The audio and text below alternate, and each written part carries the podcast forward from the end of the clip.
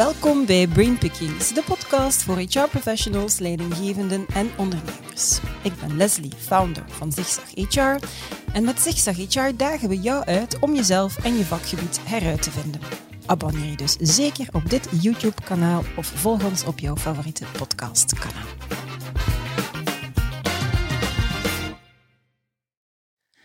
Is voor altijd samen blijven. Dat is een van de meest populaire cartoons van Kim Kazali. De onnuchterende realiteit is evenwel dat niet liefde, maar geld mensen bij elkaar houdt. Dat blijkt althans uit het European Consumer Payment Report van 2020. Het zijn met andere woorden financiële kopzorgen die mensen ervan weerhouden om uit een ongelukkige relatie te stappen. Geld, of we dat nu graag horen of niet, houdt koppels en professionals dus blijkbaar in een dubbele gouden kooi.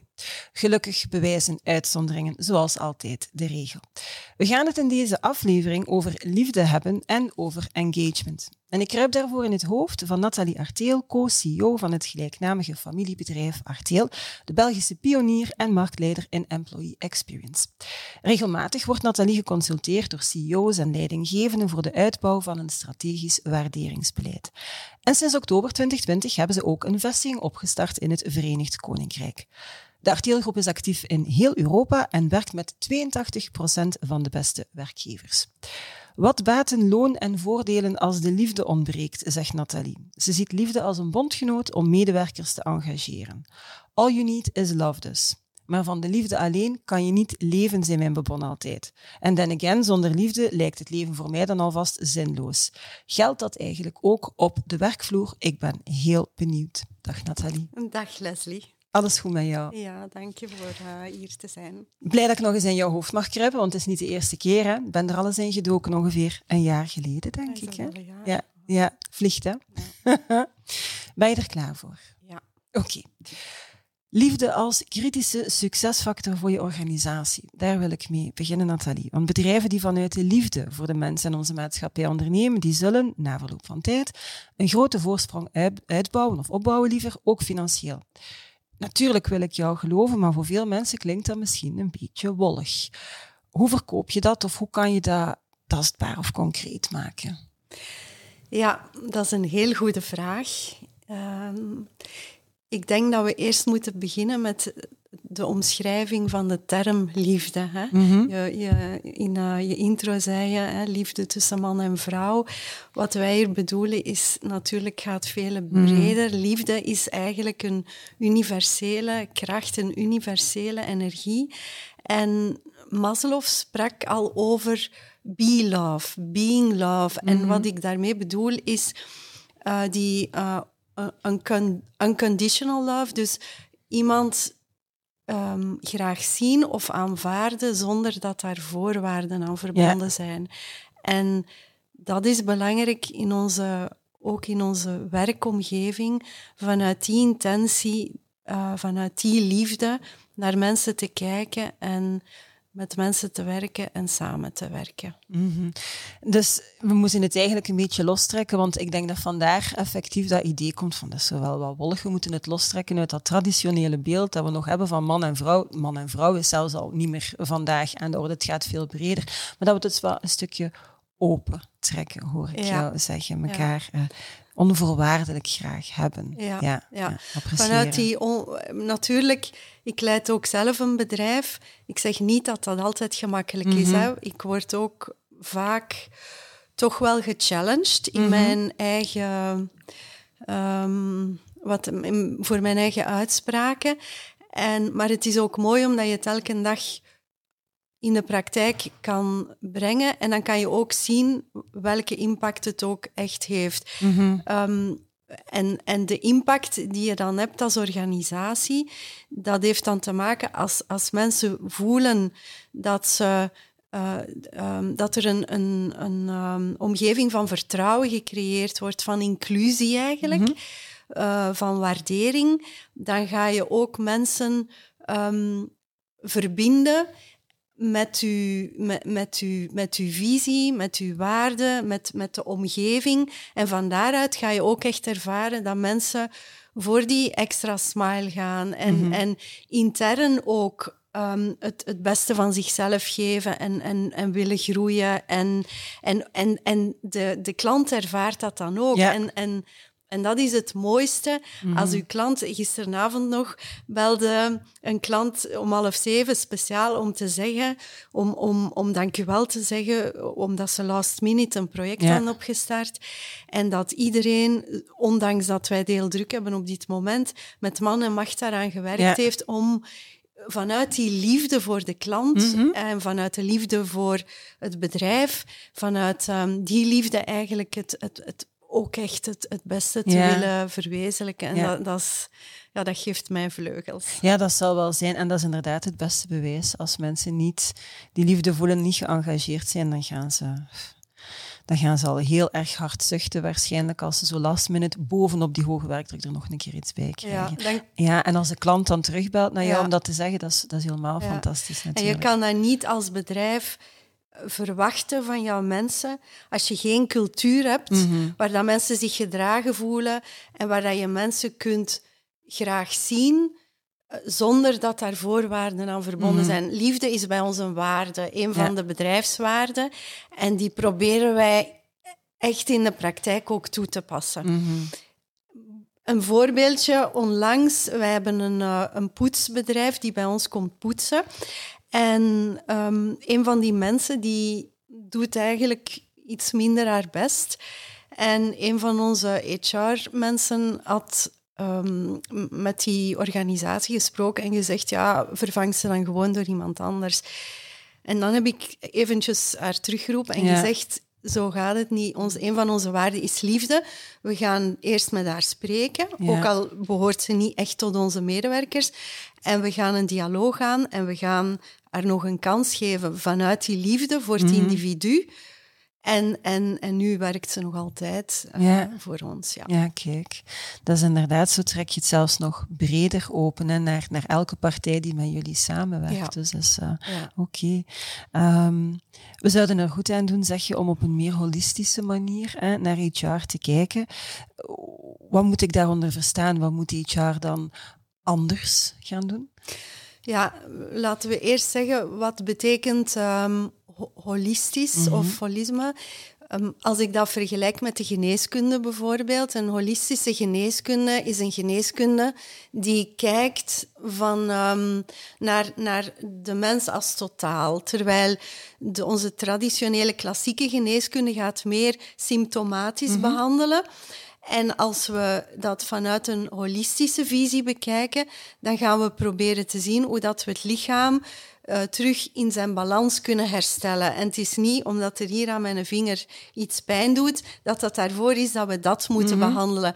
Hetzelfde trek ik door naar ons bedrijfsleven, naar HR.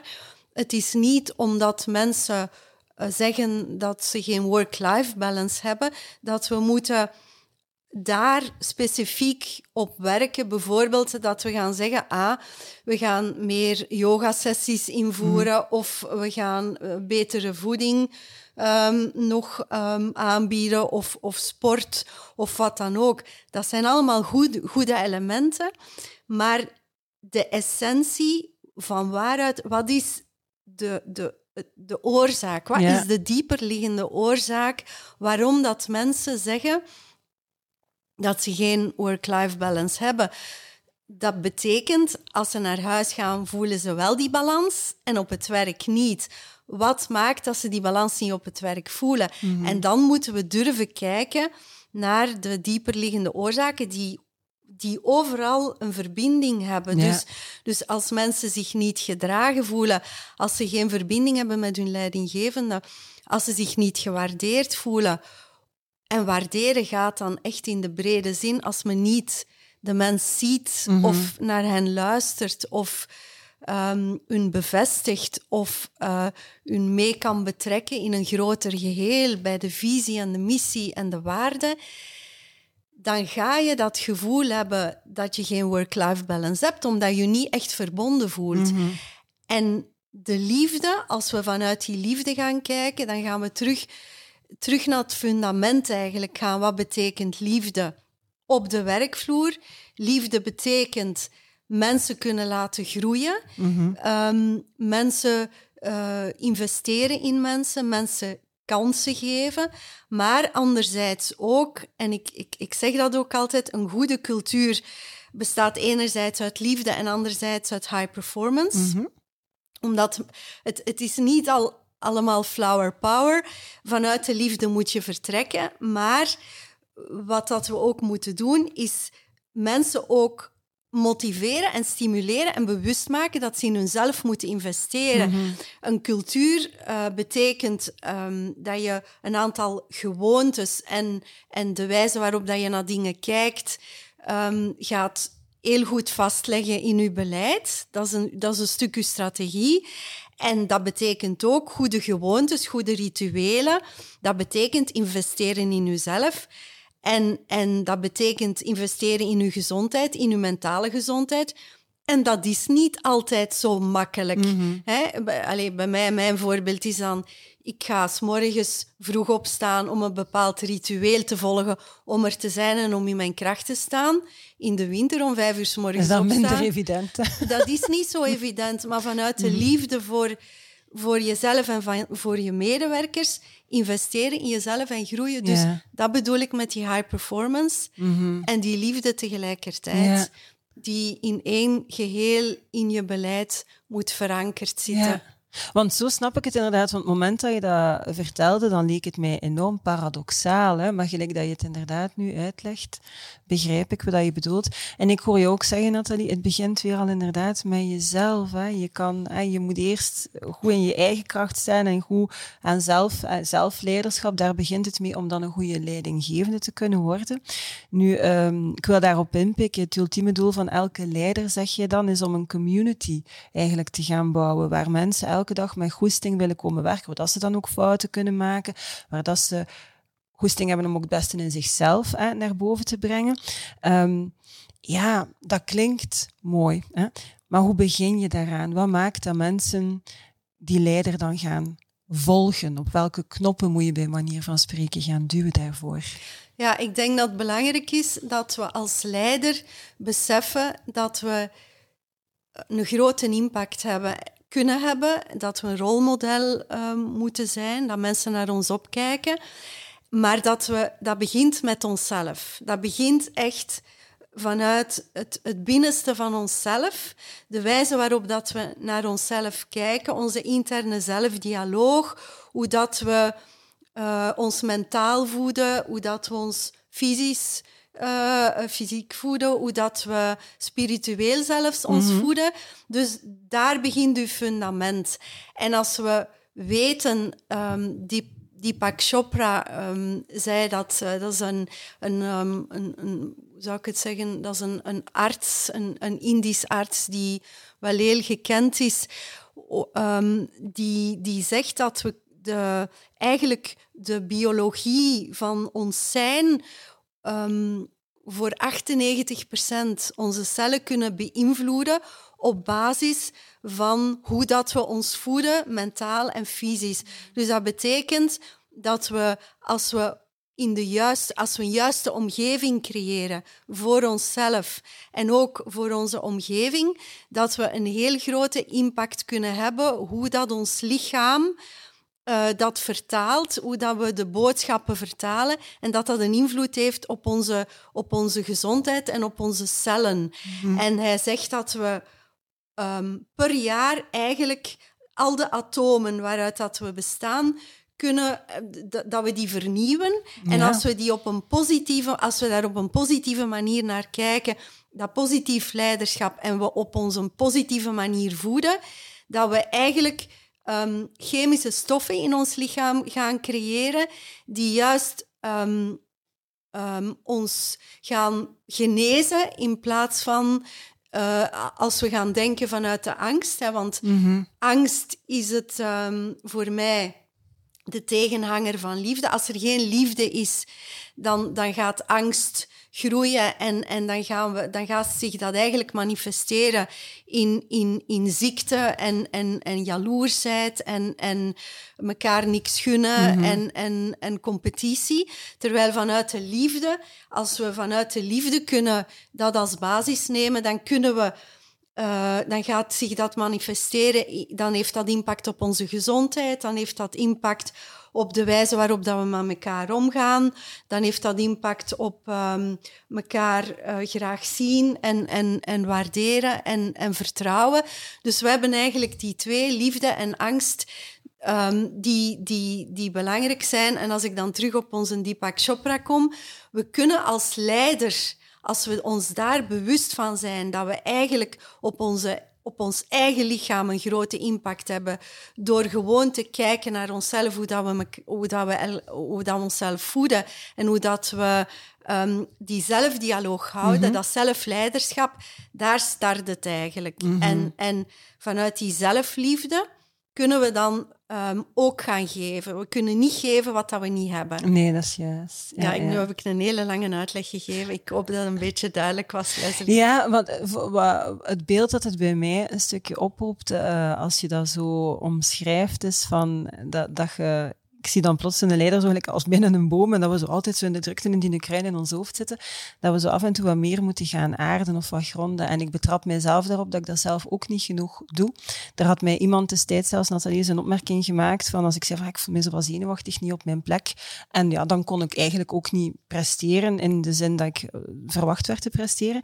En die zei van, maar zet je voeten dan een keer op de grond. En ik zit altijd nu weer met mijn benen gekruist. En die zei, je kunt toch niet aarden? En ik vond dat al, het deed mij daar denkend verhaal dat gebracht van je moet aarden. En tien loop ik dus regelmatig thuis op mijn blote voeten en ook in het gras. En dat is onwaarschijnlijk wat dat al doet met een mens. Dus het deed op een of andere manier uw verhaal die mij dat daar ja. denken. Ja, we moeten terug meer verbinding mhm. maken met, met de natuur. En de natuur is een, een heel mooie gids voor ons. Ik ga ook elke dag twee uur in de natuur bewust om die balans te mhm. houden als ondernemer, omdat er elke dag wel nieuwe uitdagingen op je weg komen. En om er dan ook te zijn voor de mensen en om ook vanuit die liefde dan te kunnen verbinding maken. Mhm. Als die er bij mij niet is en ik leef vanuit die angst, ja. dan is er geen ruimte voor liefde. Nee, nee. En dat is wat we nu een beetje zien in onze maatschappij. We worden zo opgezogen door die angst, waardoor dat we onze eigen kracht Mhm. verliezen en die verbinding met onszelf verliezen. Ja, Terwijl als we dat loslaten en vanuit ons voeden met de juiste dingen, dan gaan wij in onze kracht staan, dan zijn we um, veel, dat heeft een impact op ons mm immuunsysteem, dat heeft een impact hoe dat we ons voelen. En, en dat is belangrijk, want op basis van wat dat we voelen, gaan we ook handelen. Mhm. En als leider is het dus belangrijk dat je heel goed je bewust bent van hoe mhm. dat je je voelt, om dan ook op de juiste manier te kunnen handelen en iemand anders te kunnen waarderen of een cultuur te creëren van liefde en verbinding. Mhm. Ehm, en zo gaat eigenlijk dan zou ik redeneren, die community als bijna als vanzelf ontstaan, want ze gaan dat volgen. Mensen geloven dat en willen, willen dat ook, voelen dat. Oké. Zeg, iemand die ook heel erg uh, met het topic van, van liefde en vertrouwen uh, bezig is, is uh, de CEO van Easy, Thomas van Eco, die ik een tijdje geleden al heb geïnterviewd. En hij zei, ik vond dat heel mooi, vertrouwen is schaalbaar, controle niet. Hè. Dat was zijn visie over leiderschap. En hij zei van, ja, je kan sneller groeien met twee teams van zeven mensen in plaats van een team van veertien mensen. Ook bij Easy maakt liefde echt deel uit van de cultuur. Ook daar gaan die performance en, en, en die happiness en vertrouwen en liefde hand in hand. Ken jij zo nog, want je komt met veel bedrijven in contact, ken jij zo nog bedrijven waarvan dat je vindt van kijk, die, die, die doen dat ook, die hebben dat ook begrepen? Ja, ja helaas kan ik ze op één hand tellen. Oei, ja. um, een, een heel mooi voorbeeld is het uh, bedrijf Accent. Mhm. en, en het is ook niet voor niets dat ze nu de winnaar zijn van mm Great Place to Work. Mhm. En dat ze op de vierde plaats staan op Europees uh, niveau. Omdat uh, de CEO Anouk Laga, die volgt echt die, die, die, die liefde en die high performance, die past dat ook echt toe in haar bedrijf. Mhm. Accent is een commercieel bedrijf en zij moeten ook echt um, resultaten, resultaten in. En het is niet gemakkelijk vandaag de dag waar dat er zoveel schaarste ook is op de arbeidsmarkt. Dus die mensen staan allemaal onder druk. En toch vanuit die liefde en anderzijds uh, die high performance, zij weet dat perfect samen te brengen in mhm. haar uh, beleid. En zij straalt dat ook echt uit, want het begint natuurlijk bij, bij, bij de top. Als je dat je kan, het is niet alleen lip service. Hè. Je moet het mhm. elke dag waarmaken op de werkvloer. En ik denk, voor mij is dat een heel mooi uh, voorbeeld. Een ander voorbeeld is een ander type van organisatie, maar is Telenet. Mm als we kijken, ik had onlangs een interview met John Porter. Hij gelooft ook heel erg in de kracht van waardering. Mhm. En waardering dan ook weer in de breedte. Niet gewoon een compliment geven of een cadeautje geven, maar echt de mensen zien, de mensen mee um, naar boven trekken, investeren in de mensen, dat ze echt kunnen uitgroeien tot de beste versie van mhm. zichzelf. En dat merken we ook. Um, als wij voor, uh, wij doen heel veel projecten voor Telenet, als we kijken, die mensen waar dat we dan mee mogen samenwerken, dan merk je ook echt dat die vanuit die passie en die liefde voor de klant ook uh, opereren en handelen. Ja. Twee, twee mooie bedrijven waar liefde dan inderdaad uh, voorop staat al. Um, eigenlijk ben ik ook heel benieuwd naar jou, ondernemersverhaal. Dat die cultuur, waardering, erkende liefde is heel belangrijk. Wat is jouw why? Mijn, mijn why is om, een, um, om vooral uh, bedrijven te helpen om um, uh, ervoor te zorgen dat mensen elke dag met goesting gaan werken en dat ze zich gedragen voelen, dat ze op die manier uh, kunnen uitgroeien tot gelukkige en um, uh, gezonde medewerkers. Mm -hmm. En, en waarom, ja, waarom doen we dat? Omdat we, als je gezond bent, allez, ik geloof als je in een omgeving werkt waar dat je gezien en gewaardeerd wordt, een omgeving van liefde, dat heeft een impact op je gezondheid, op je well-being. En, en als je dan naar, uit, naar huis gaat s'avonds, dan kan jij ook een, een goede ouder zijn. Mhm. Dan kan je een, um, een, een, een, goede collega zijn. Dan kan je, dan kan je uh, er zijn voor je ouders, omdat je in evenwicht bent, omdat je in je kracht staat. En zo maken we de, de cirkel rond als mensen elke dag gaan werken um, en ze voelen hun echt niet in evenwicht in het mhm. bedrijf en, en ze werken bijna in een toxische omgeving, dan heeft dat een impact op de chemische stoffen die ze maken, want dat is stress. Stress zorgt voor cortisol, dat heeft een impact op je immuniteit dat heeft een impact op je mentale um, gezondheid. En dan kan je nooit in balans zijn en er zijn voor je kinderen of mhm. voor je omgeving. Of als, uh, waar dat je dan ook kunt bijdragen. Dus dat is gewoon heel belangrijk dat we op die manier bedrijven kunnen helpen om terug de harten te raken van de mhm. mensen. Hun het gevoel te geven dat, dat we hun graag zien. Ja. En ook al is dat niet altijd zo gemakkelijk. En dat zij dan op die manier die liefde kunnen in hun hart mee naar huis nemen en kunnen delen naar, naar de ganse wereld. Ja, mooi. En, en van waar is dat dan ontstaan? Het gevoel inderdaad die enorme passie om dat voor zoveel mogelijk mensen mogelijk te maken.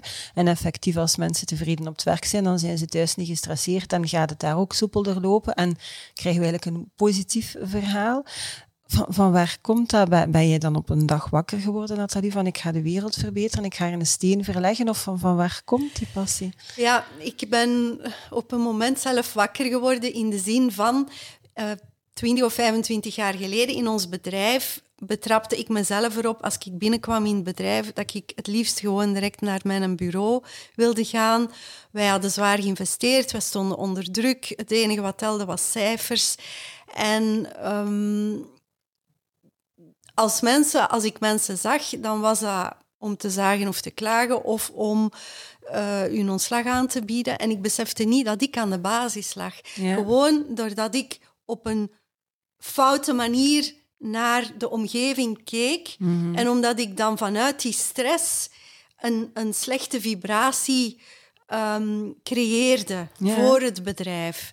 En, en toen ja, je hebt zo een, in je leven een aantal, hoe zou ik het zeggen, spirituele ehm, wakker worden mhm. of uh, awakenings. En dat was er zeker eentje van, die, mij, die mij doen beseffen heeft, ik wil niet op die manier voort. Dat, dat is eigenlijk een stuk tegen mijn natuur, dat voelt niet goed aan.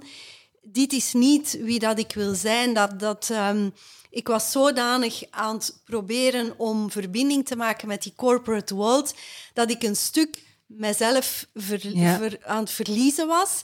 Mijn uniekheid, mijn, mijn, um, mijn waarden een stuk aan het... Um, uh, ik, was, ik leefde niet meer in lijn met mijn waarden, mhm. omdat die druk van buitenaf, die cijfers, zo groot waren. En ik wilde dat niet meer. En ik heb dat op een moment, eh, ik heb dat met mijn man besproken. Ik heb gezegd, we moeten naar een... een ik, ik geloof niet ik geloof daar niet in. En, en dat is ook de aanzet geweest om uh, niet alleen incentives te leveren aan bedrijven, maar om veel breder te gaan kijken en om echt oplossingen te gaan ontwikkelen mm om impact te hebben op de bedrijfscultuur, waarvan dat een incentive iets extrinsiek kan mhm. zijn, maar zo klein is ten opzichte van de essentie, de cultuur, de, het leren waarderen, het leren zien van mensen, het leren liefhebben. Dat is eigenlijk het in het kort. Dat is vanuit jezelf eigenlijk, dat je, en dat je dan beseft, oké, dit werkt, dat ga ik de wereld inzetten. En ik ga andere bedrijven op die manier ook uh, proberen helpen en laten uh, helpen inspireren. Wat dat je geeft, komt ook terug. Absoluut. En dat zie je ook nu in onze bedrijven. Dat, dat geeft, ik ben daar heel, heel dankbaar voor. Oké.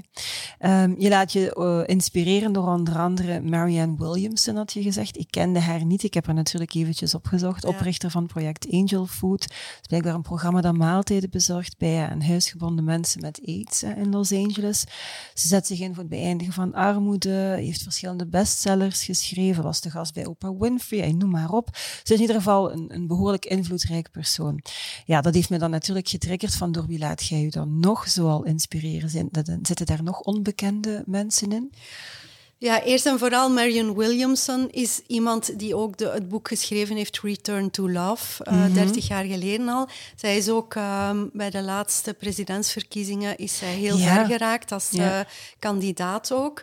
En zij heeft um, een, een heel goede visie, omdat zij ook weer die twee elementen kan samenbrengen, zowel het bedrijfsleven als, als de liefde. Mhm. Ehm, maar dat is nu één voorbeeld. Ik, ik, word vooral geïnspireerd door elke persoon die op mijn weg komt. Mm.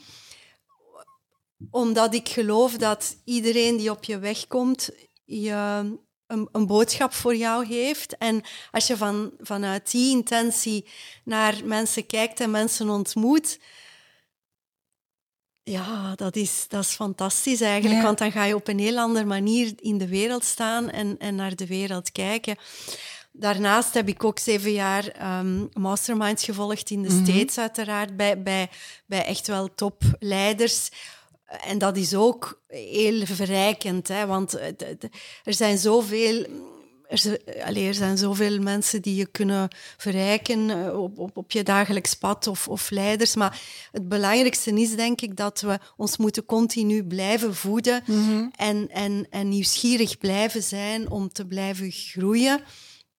En dan beseffen we hoe weinig dat we nog maar weten. Ja, ja. En hoeveel dat, er, uh, dat, dat leven ons, ons, ons nog te bieden heeft. En, en soms in, in heel kleine signalen die je krijgt, um, waarvan dat je het helemaal niet verwacht die, um, die op die manier, als je daar naar kijkt. Ja, als, als je er inderdaad naar kijkt, want vaak zien we ze. Als we ervoor openstaan ja. en daarom moeten we af en toe terug aarden ja. en in het moment zijn, Leslie. Mm -hmm. Absoluut. En ik vind het mooi ook dat je zegt dat leiders niet altijd verpakt zijn in een maatpak, maar dat dat gewoon mensen zijn die je alle dagen tegenkomt. En als je daar met die juiste mindset inderdaad naar kijkt, kan je daar ongelooflijk veel uh, uit leren en uit opsteken.